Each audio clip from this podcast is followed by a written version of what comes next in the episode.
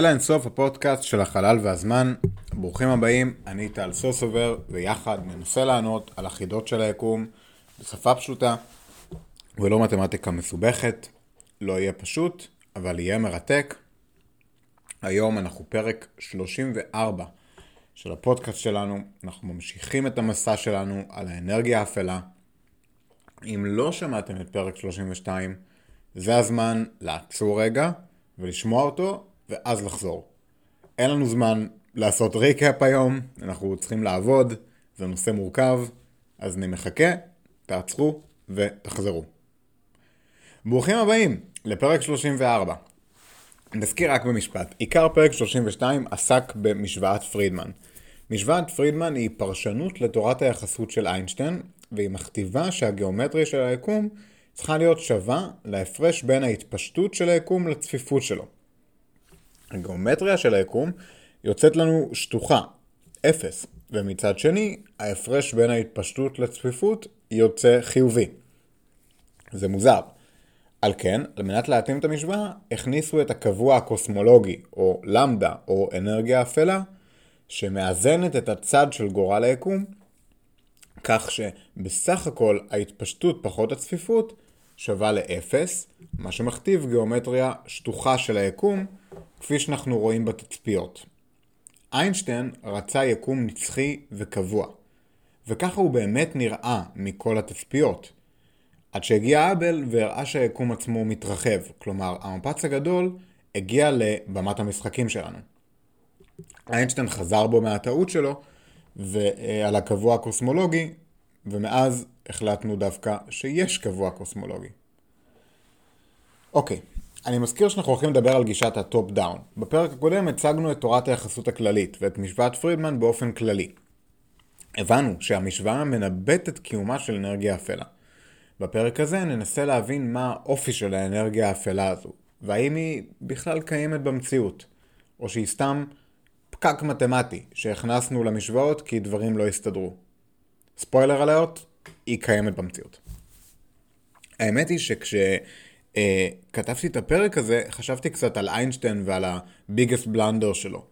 תחשבו על זה, אם איינשטיין לא היה חוזר בו, הוא היה מגלה את האנרגיה האפלה כבר בשנות ה-20. הוא היה יכול לקבל פרס נובל. יותר מזה, הוא היה יכול לקבל מוניטין ותעודה בינלאומיים. זה יכל להגיע למצב שהשם שלו מזוהה אוטומטית עם גאונות כמעט בכל מקום בעולם. הוא היה יכול, אבל הוא זנח את זה, ולכן אלברט איינשטיין נדחק לשולי ההיסטוריה של הפיזיקה, ורק מעטים שמעו עליו בכלל.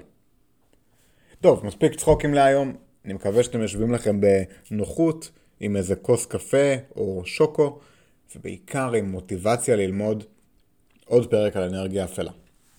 בואו ניכנס לעובי הקורה. מהי אנרגיה אפלה, והאם היא קיימת בכלל? חלק 4 מהי אנרגיה אפלה, מה היא עושה והאם היא קיימת. בואו נתחיל בהאם האנרגיה האפלה קיימת. בואו נבחן האם היקום שטוח מבחינה גיאומטרית או שהוא מתפשט. וכך נבין את ערכו הקבוע של הקבוע הגיאומטרי, האנרגיה האפלה. אנחנו נתקוף את זה מכיוון אחר. במקום להסתכל על הצפיפות של היקום כרגע, בואו נסתכל על קצב ההתפשטות של היקום בעבר. אם נסתכל על ההתפשטות של היקום בעבר, נוכל להבין את קצב ההתפשטות שלו ולנבא את העתיד מבלי לספור גלקסיות. איך זה עובד? אנחנו חוזרים לדבר על אפקט דופלר, ההסחה לאדום או לכחול. מכירים את זה שאמבולנס עובר לידכם? בואו נשמע את זה רגע.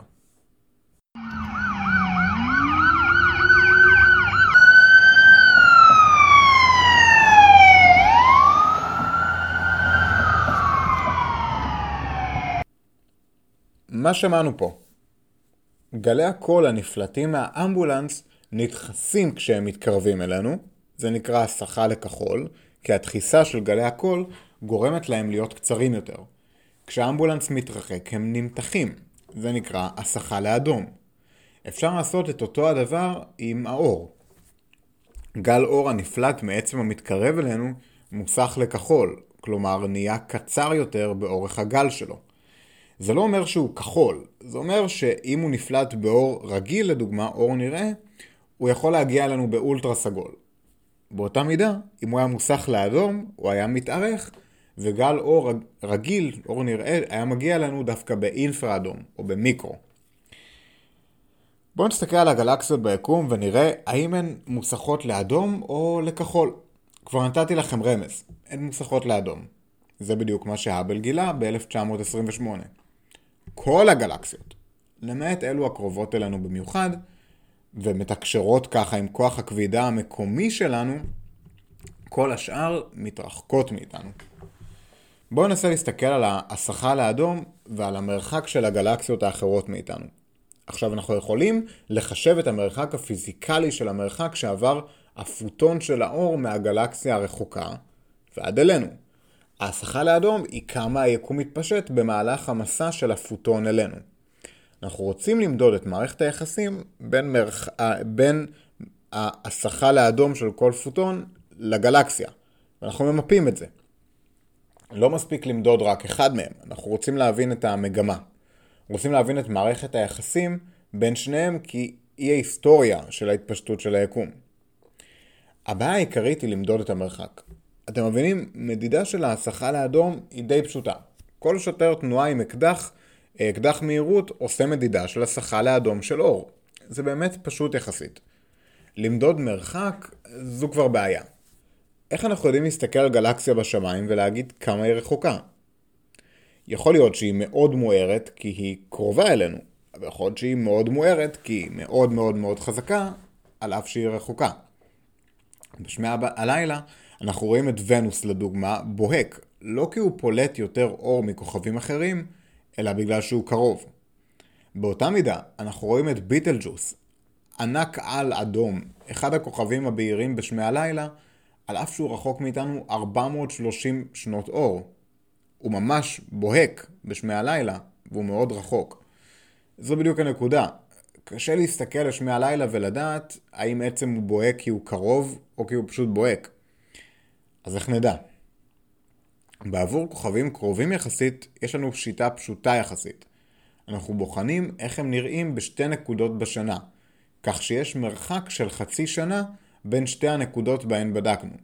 כך אנחנו מקבלים תמונת מצב של הזווית שלהם בשמי הלילה, לעומת השינוי שלנו, בתנועה שלנו במהלך השנה. זה קצת דומה להושטת אגודל קדימה, עם יד ישרה, ואז לעצום עין ימין ועין שמאל. נסו את זה רגע. תושיטו את היד קדימה, הרימו את האגודל, הסתכלו על עצם רחוק במיוחד, עצמו את עין ימין, ואז את עין שמאל. אתם רואים את האגודל שלכם זז. ככל שהעצם רחוק יותר, ככה, רחוק יותר, ככה האגודל זז יותר.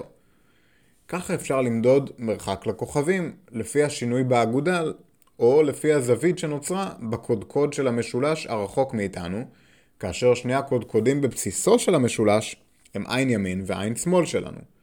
אנחנו עושים את זה כאשר עין ימין היא כדור הארץ בצד ימין של השמש, ועין שמאל היא כדור הארץ בצד שמאל של השמש. אבל עקרונית זה אותו דבר כמו המשחק עם העיניים. השיטה הזו מעולה למדידה של מרחקים לעצמים קרובים יחסית. שביל החלב לדוגמה. הבעיה היא שכאשר אנחנו מסתכלים על גלקסיות שהן מיליארדי שנות אור מאיתנו, הזווית של הקודקוד של המשולש המתחיל בגלקסיה הרחוקה היא כל כך קטנה עד שאי אפשר לחשב אותה באמת. 0.000000000 אחוז עקמומיות. מדובר על משולש שכל צלע שלו היא כמה עשרות מיליארדי שנות אור, והבסיס שלו הוא 0.0000004 שנות אור. לא טוב. אנחנו צריכים שיטה אחרת. אנחנו צריכים שיטה כלשהי, שנוכל להסתכל בעזרתה על כל גוש אור בשמי הלילה, ולהבין האם האור הזה חזק כי הוא קרוב אלינו, או פשוט שהוא מאוד חזק. אנחנו צריכים להבין, אנחנו צריכים משהו שפולט את אותה כמות אור. תמיד. לא משנה איפה הוא נמצא ביקום, הוא פולט אותה כמות אור. בקוסמולוגיה קוראים לזה נר קוסמי. הרעיון הוא לקחת כוכב כלשהו, אירוע כלשהו, משהו שאנחנו יודעים שכמות האור שלו התעודה הזאת של האור והאנרגיה קבועה. לא משנה איפה הוא קורה ומתי. מעולה, עכשיו צריך נר קוסמי כזה. זה לא כל כך פשוט, כי אתם יודעים, כל כוכב הוא שונה, כל פלנטה היא שונה, אבל האמת היא שפה יש לנו מזל, כי מסתבר שיש נר כזה. סופרנובה מסוג 1A. אם ניקח ננס לבן, או השריד של ליבת השמש, שנוצר במסגרת מערכת בינארית של שני כוכבים אחרים. כוכב אחד קרס לננס לבן, והשני מסתובב שם. הננס הלבן הזה אוכל במרכאות את הכוכב השני, וככה מגדיל את המסה שלו. הננס הלבן הזה מגיע למסה קריטית, וקורס לסופרנובה בשלב מסוים. העניין הוא שכמות המסה שבה ננס לבן כזה יקרוס לסופרנובה היא די קבועה. מה שאומר שהסופרנובה תזהר באור די קבוע. בנוסף, סופרנובה, כל סופרנובה, היא אירוע עצום, שניתן לראות אותו ממרחק גדול. ייי! עכשיו, בואו נסתכל על סופרנובות כאלה. אנחנו מודדים את ההסחה לאדום של האור המגיע מהן, שהרי הן נמצאות רחוק מאיתנו. ככל שהאור מגיע אלינו הוא יותר מוסך לאדום, כך אנחנו יודעים שהאור הזה עבר מרחק גדול יותר עד שהוא הגיע אלינו. זה מצביע על כך ש... שהיקום יותר דחוס. שימו לב, אם האור יותר מוסך לאדום, היקום יותר דחוס. למה? זכרו, אנחנו רואים את המסלול שהאור עשה בעבר. אם ההסחה לאדום גדולה, הרי שהאור עבר מרחק גדול יותר בעבר. ככל שהמרחק שעבר האור בעבר היה גדול יותר, כך אנחנו יודעים שהתרחבות היקום הייתה גדולה יותר בעבר. זה מחזק את הטענה שהוא התפשט מהר בעבר, הוא יעט ולבסוף יקרוס. הצד השני של זה, היא שאם ההסחה לאדום היא קטנה יחסית, הרי שהיקום מתפשט פחות בזמן המסע של הפוטון. במצב הזה אנחנו צריכים לראות, אנחנו צריכים פחות מסה כדי להסביר למה היקום מאט והגיע לקצב ההתפשטות הנוכחי שלו. אם היקום מתפשט בקצב אחיד לחלוטין, לאורך כל הזמן, מלפני אינסוף שנים ועד אינסוף שנים, היינו מצפים לקבל את ההסחה לאדום הקטנה ביותר האפשרית. תוצאה זו מסבירה מצב שבו אין מסה המספקת להאט בחזרה את היקום. עכשיו בואו נהפוך את הלוגיקה הזו. אנחנו יכולים להסתכל על ההסחה לאדום של האור המגיע מהסופרנובה, ובהתאם לקבוע אם היא קרובה או רחוקה מאיתנו. זה בדיוק אותו הדבר. ביקום בעל צפיפות גבוהה, הסופרנובה תיראה קרובה יותר ובהירה יותר. ולהפך, ביקום מתפשט עם מעט מסה נצפה לראות סופרנובות עמומות וחלשות יותר. בשנות ה-90 זה העסיק קבוצות של אסטרונומים. הם מדדו את ההתפשטות של היקום, בדיוק לפי השיטה הזו, ורצו לבדוק האם היקום יתפשט לנצח, או שהוא יקרוס לתוך עצמו. מה הם גילו? מה התשובה? ב-1998 שתי הקבוצות הודיעו יחד, באופן בלתי תלוי אחת בשנייה, על אותן התוצאות. היקום התפשט בעבר לאט יותר. התפשט בעבר לאט יותר לעומת היום. ההסחה לאדום שנצפתה הייתה חלשה אפילו יותר מיקום בלי מסה בכלל. כלומר, אפילו אם לא היה שום דבר שמנסה להתנגד להתפשטות היקום, ואנחנו יודעים שיש, כי אנחנו יודעים שיש מסה של חומר רגיל וחומר אפל, אבל אפילו אם נמחק את כל החומר ביקום, נראה שהיקום מתנהג בצורה קיצונית יותר, אפילו אם לא הייתה בו מסה בכלל. זה אומר שקצב ההתפשטות של היקום האיץ בזמן שהאור מהסופרנובות הגיע אלינו. עצרו שנייה לחשוב על זה. היקום עצמו מאיץ. זה כמו לזרוק את הכדור שלנו מהפרק הקודם לחלל, במקום שהוא יעט ויפול, הוא יטוס למעלה בקצב הולך וגובר. מה קורה פה? אגב, שתי קבוצות האסטרונומים קיבלו פרס נובל על הגילוי הזה, והאמת היא שהם לא ניסו לגלות אותו. ובינינו, מה יותר כיף מלקבל פרס נובל בטעות? הגילוי הזה הגיע לפני ההבנה שהיקום עצמו שטוח מבחינה גיאומטרית, כי אפשר להסביר אותו עם הקבוע הקוסמולוגי, או עם אנרגיה אפלה. זוכרים את האנרגיה האפלה, או את הקבוע הקוסמולוגי? הקבוע הקוסמולוגי קבוע לפי גודל היקום. כלומר, ככל שהיקום יותר גדול, כך יש יותר אנרגיה אפלה. האנרגיה האפלה היא האנרגיה של הוואקום עצמו, האנרגיה של היקום עצמו. למה שתהיה בכלל אנרגיה לוואקום? בואו נשאל את זה אחרת. אנחנו מנסים ללכת עקב אחרי הגודל בפרקים האלה. למה שאנרגיית ואקום קבועה תגרום ליקום להאיץ בכלל? בואו ננסה להבין איך ייראה היקום בעתיד הרחוק מאוד. בעוד טריליוני טריליוני טריליוני שנים. אנחנו יודעים שהיקום מתפשט, ולכן אפשר להגיד שככל שהזמן שואף לאינסוף, כך גם הצפיפות של היקום שואפת לאפס. זה קצת כמו לנסות אה, אה, למרוח את אותה אה, כפית חמאה על פרוסת לחם שהולכת וגדלה. נסו למרוח כפית חמאה על פרוסת לחם בגודל של בניין. צפיפות החמאה בלחם היא פרקטיקלי אפס. עכשיו, בואו נזכר שוב במשוואת פרידמן. הצורה של היקום, הגיאומטריה של היקום, היא אפס. זה צד ימין. זה שווה לצד שמאל. קצב ההתפשטות, פחות הצפיפות של היקום, פחות האנרגיה האפלה. בעתיד הרחוק, אנחנו מניחים שהצפיפות תהיה אפס, ולכן הצורה של היקום תישאר חלקה. נעביר אגף ונקבל שבעתיד הרחוק של היקום, ההתפשטות של היקום תהיה תלויה רק באנרגיה האפלה. האם זה אומר שבעתיד הרחוק ההתפשטות של היקום תהיה שווה לקבוע הקוסמולוגי, לאנרגיה האפלה, ולכן היא תהיה קבועה? לא. עכשיו צריך להיזהר עם זה. קצב ההתפשטות לא יהיה קבוע, אלא קצב ההתפשטות מתוך גודל היקום יהיה קבוע. קוראים לזה קבוע האבל, וזה המדד לכל כמה זמן היקום יכפיל את עצמו. לכן, בתוחלת באינסוף, כמובן שכמו שאמרנו, הצפיפות תרד לאפס. הזמן שייקח ליקום להכפיל את עצמו יישאר קבוע, לא משנה כמה הוא גדול. קבוע האבל אינטואיטיבית אמור לדעוך עם הזמן, אבל קבוע קוסמולוגי חיובי, יש לנו יקום עם קבוע האבל חיובי, כלומר הכפלה עצמית של היקום בקצב קבוע. יש לנו מילה לזה, גידול מעריכי, או אקספוננציאלי. גידול כזה נראה כמו האצה, 2 הופך ל-4, 4 ל-8, 8 ל-16, 32, 64, 128 וכולי.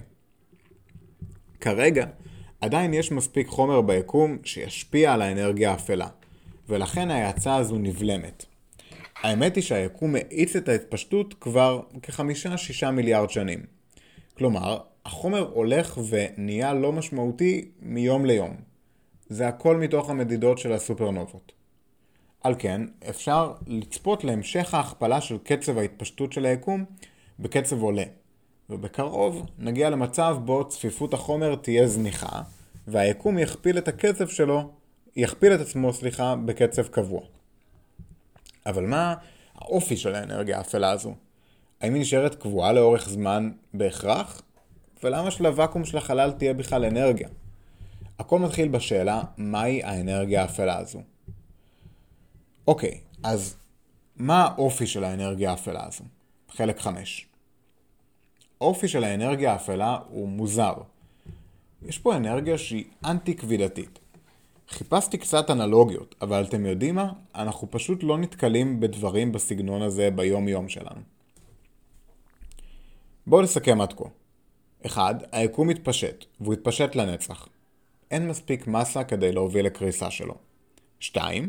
יקום כזה אמור להיות מוזר מבחינה גיאומטרית, מעין היפרבולה תלת-מימדית, אבל המדידות שלנו מצביעות על יקום שטוח כמעט לחלוטין. אנחנו מתקנים את זה מתמטית על ידי הוספת הקבוע הקוסמולוגי, או האנרגיה האפלה. 3. קצב ההתפשטות של היקום מאיץ, כי רואים מהסחה לאדום של סופרנובות רחוקות. מה שמאיץ אותו הוא האנרגיה האפלה. בואו ננסה להבין את הפרשנות הפשוטה ביותר לגבי האנרגיה האפלה. אנרגיה אפלה קבועה או קבוע קוסמולוגי. הרעיון הוא שכמות האנרגיה האפלה ביקום קבועה יחסית לגודל שלו.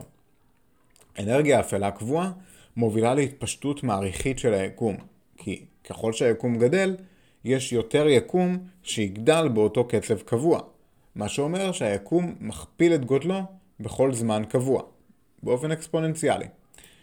האנרגיה האפלה מייצרת כבידה שלילית. אבל מה בדיוק גורם לכבידה השלילית הזו? איך זה נגרם? עד כה שיחקנו עם משוואת פרידמן, שהראתה לנו שהאנרגיה האפלה מובילה לשינוי אקספוננציאלי ביקום. היא יכולה להוביל באותה מידה לקיבוץ אקספוננציאלי, לאו דווקא להתפשטות. בשביל להבין למה האנרגיה האפלה מובילה להתפשטות מואצת ולא להתכווצות מואצת, אנחנו צריכים לעבור למשוואת פרידמן השנייה. גרסה 2.0, חדר הסודות, שני הצריכים, מה שאתם רוצים. אוקיי. המשוואה הראשונה הייתה קצב ההתפשטות של היקום. המשוואה השנייה היא על הכוחות שדוחפים או מושכים את ההתפשטות הזו. האמת היא שהמשוואה השנייה אפילו יותר פשוטה מהראשונה. המשוואה השנייה אומרת שהשינוי בקצב התפשטות, או הנגזרת של השינוי בגודל היקום, צריך להיות שווה למינוס ביטוי מתמטי די ארוך, שהמהות שלו, הדבר הכי מעניין בו, היא צפיפות היקום והלחץ ביקום. ככל שיש יותר חומר ואנרגיה, כך הכבידה מושכת חזק יותר ומנסה להאט את קצב התפשטות היקום. בסוף זה די פשוט. השינוי בקצב ההתפשטות של היקום יהיה נמוך יותר ככל שיש יותר צפיפות של חומר ביקום. זה ממש חוקי ניוטון, פיזיקה פשוטה ומוכרת לנו. עכשיו, זרקתי תוך כדי מושג חדש, הלחץ. בתורת היחסות הכללית, אנרגיה, מסה וגם לחץ מעקמים את מרחב הזמן. תחשבו על בלון מלא אוויר. האוויר שבתוך הבלון דוחף החוצה. החלקיקים שבתוך הבלון נעים מהר ודוחפים את הבלון החוצה, מתוך הבלון. עכשיו, הלחץ הזה עובד רק כאשר יש לאן לדחוף. כלומר, אנחנו צריכים הפרשי לחצים. ככל שהפרשי הלחצים בין הבלון לבין מה שקורה מחוץ לבלון גדולים יותר, כך יש יותר לחץ. אם הלחץ הזה מספיק חזק, הבלון ייקרע. זה לא מה שאנרגיה האפלה עושה, כי היקום שלנו הומוגני. היקום לא מתפשט לשום מקום, כי אין שום דבר עם לחצים אחרים חוץ מהיקום. היקום הוא כל מה שיש, בהגדרה. אין לנו ראיות לכך שיש הפרשי לחצים ביקום ברמה הקוסמולוגית.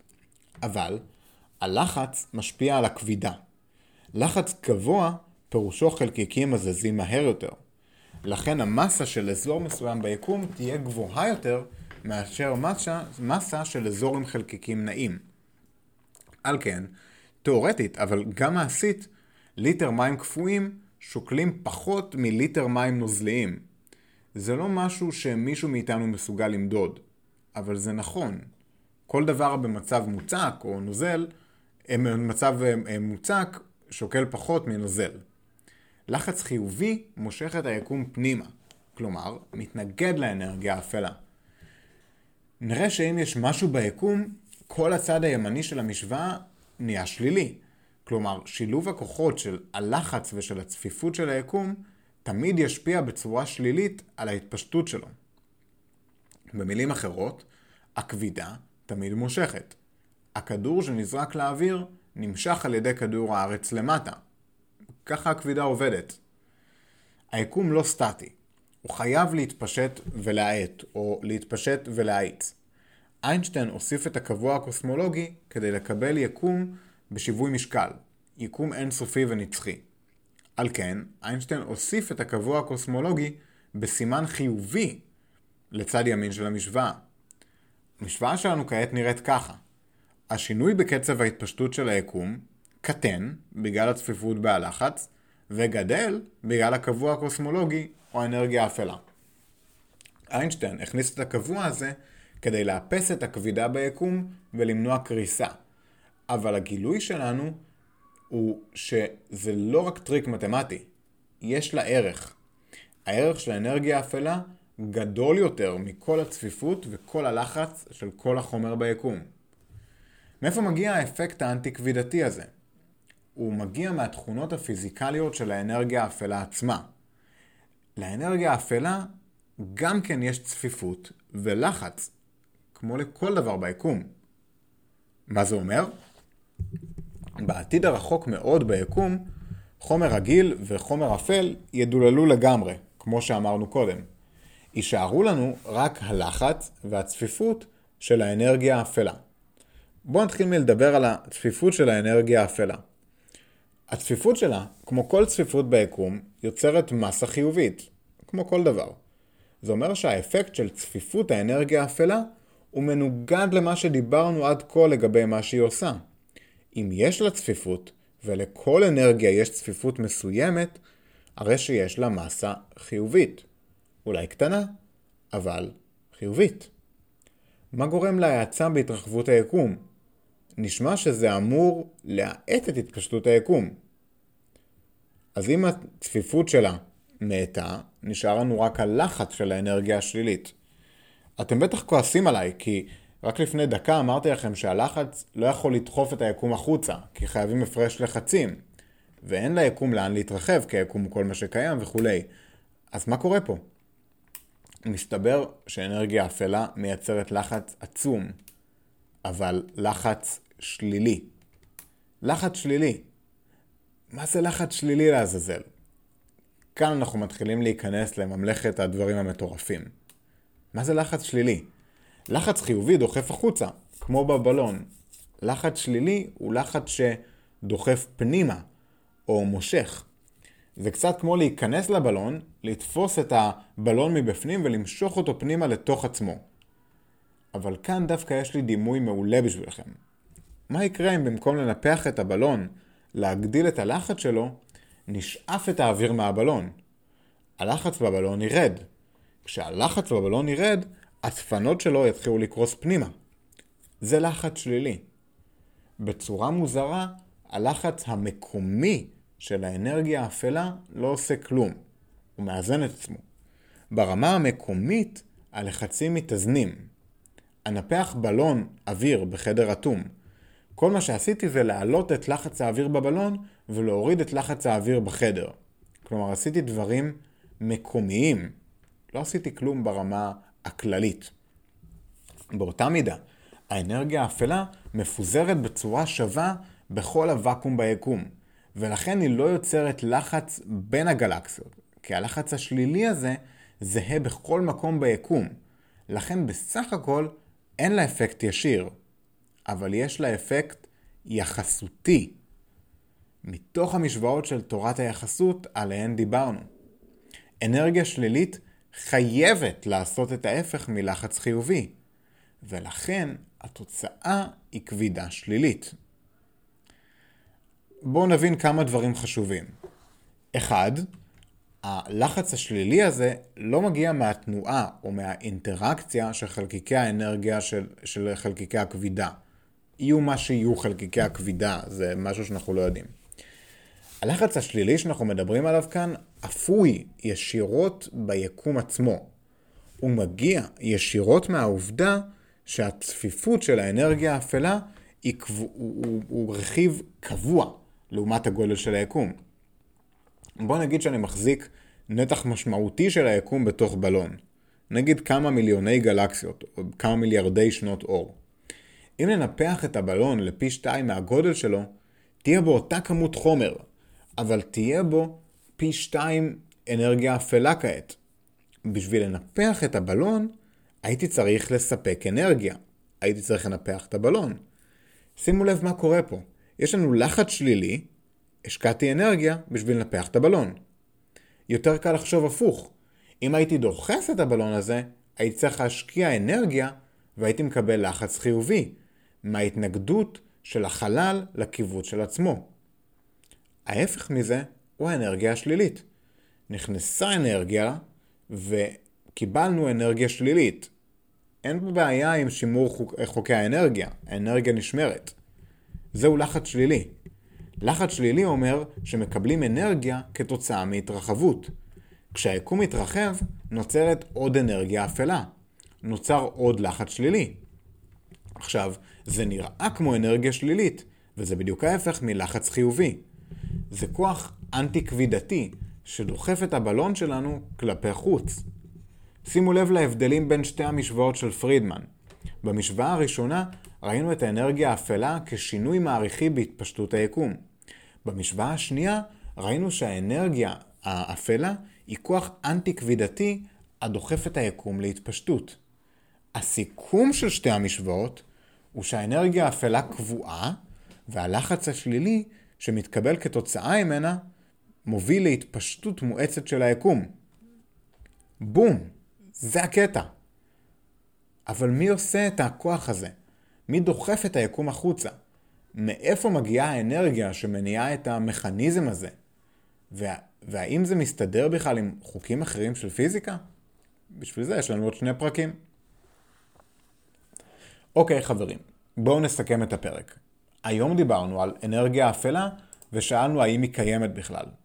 התחלנו מלתאר איך בכלל מודדים את זה שהיקום מתפשט בעזרת הנר הקוסמי, שמקורו בסופרנובה, שהאור שלה קבוע. כך הצלחנו לראות שקצב ההתפשטות של היקום מאיץ. זו תוצאה מטורפת, כי היקום לא אמור להאיץ. אפילו איינשטיין לא דמיין משהו כזה עם הקבוע הקוסמולוגי. אבל הנה אנחנו. אחרי שחילקנו קצת פרסי נובל, נכנסנו לנסות להבין מה האופי של האנרגיה האפלה הזו. האנרגיה האפלה נובעת מהכלום עצמו. היא תופעה של לחץ שלילי. קשה לתפוס ולהבין את זה, אבל ברמה הכללית של היקום, ניתן ליצור כבידה שלילית באמצעות הלחץ השלילי של האנרגיה האפלה. בגלל שהיא קבועה בגודלה לעומת גודל היקום, וגם גורמת לגידול בגודל היקום, היא גודלת בקצב מעריכי, מה שמוביל ליקום שגדל בקצב מעריכי, והמעגל הזה לא נפסק. אני יודע שקשה לתפוס את זה, אבל נחשו מה? זה היקום שלנו. בפרקים הבאים נדבר על מתמודדים פוטנציאליים לתפקיד האנרגיה האפלה. ננסה להבין האם היא משנה את האופי שלה עם הזמן, ונראה האם אפשר לאחד אנרגיה אפלה וחומר אפל לתיאוריה אחת. ומה זה אומר על העתיד של היקום ועל האינסוף. תודה רבה רבה לכם על ההקשבה. הפודקאסט של אלה אינסוף הוא יוזמה שלי להנגשה של חקר החלל לכולן ולכולן. היה כיף לדבר עוד פעם על אנרגיה אפלה היום, ואנחנו ממשיכים למתוח את הגבולות גם לפרקים הבאים. אם uh, יש לכם זמן, כנסו בבקשה לאפל פודקאסט, תיתנו לנו דירוג גבוה, זה מאוד עוזר להגיע לקהלים חדשים.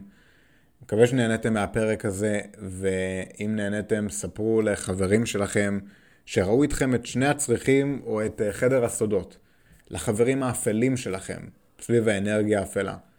חברים שאתם מרגישים שמערכת היחסים איתם היא מעין אה, לחץ שלילי, או כל דבר בסגנון.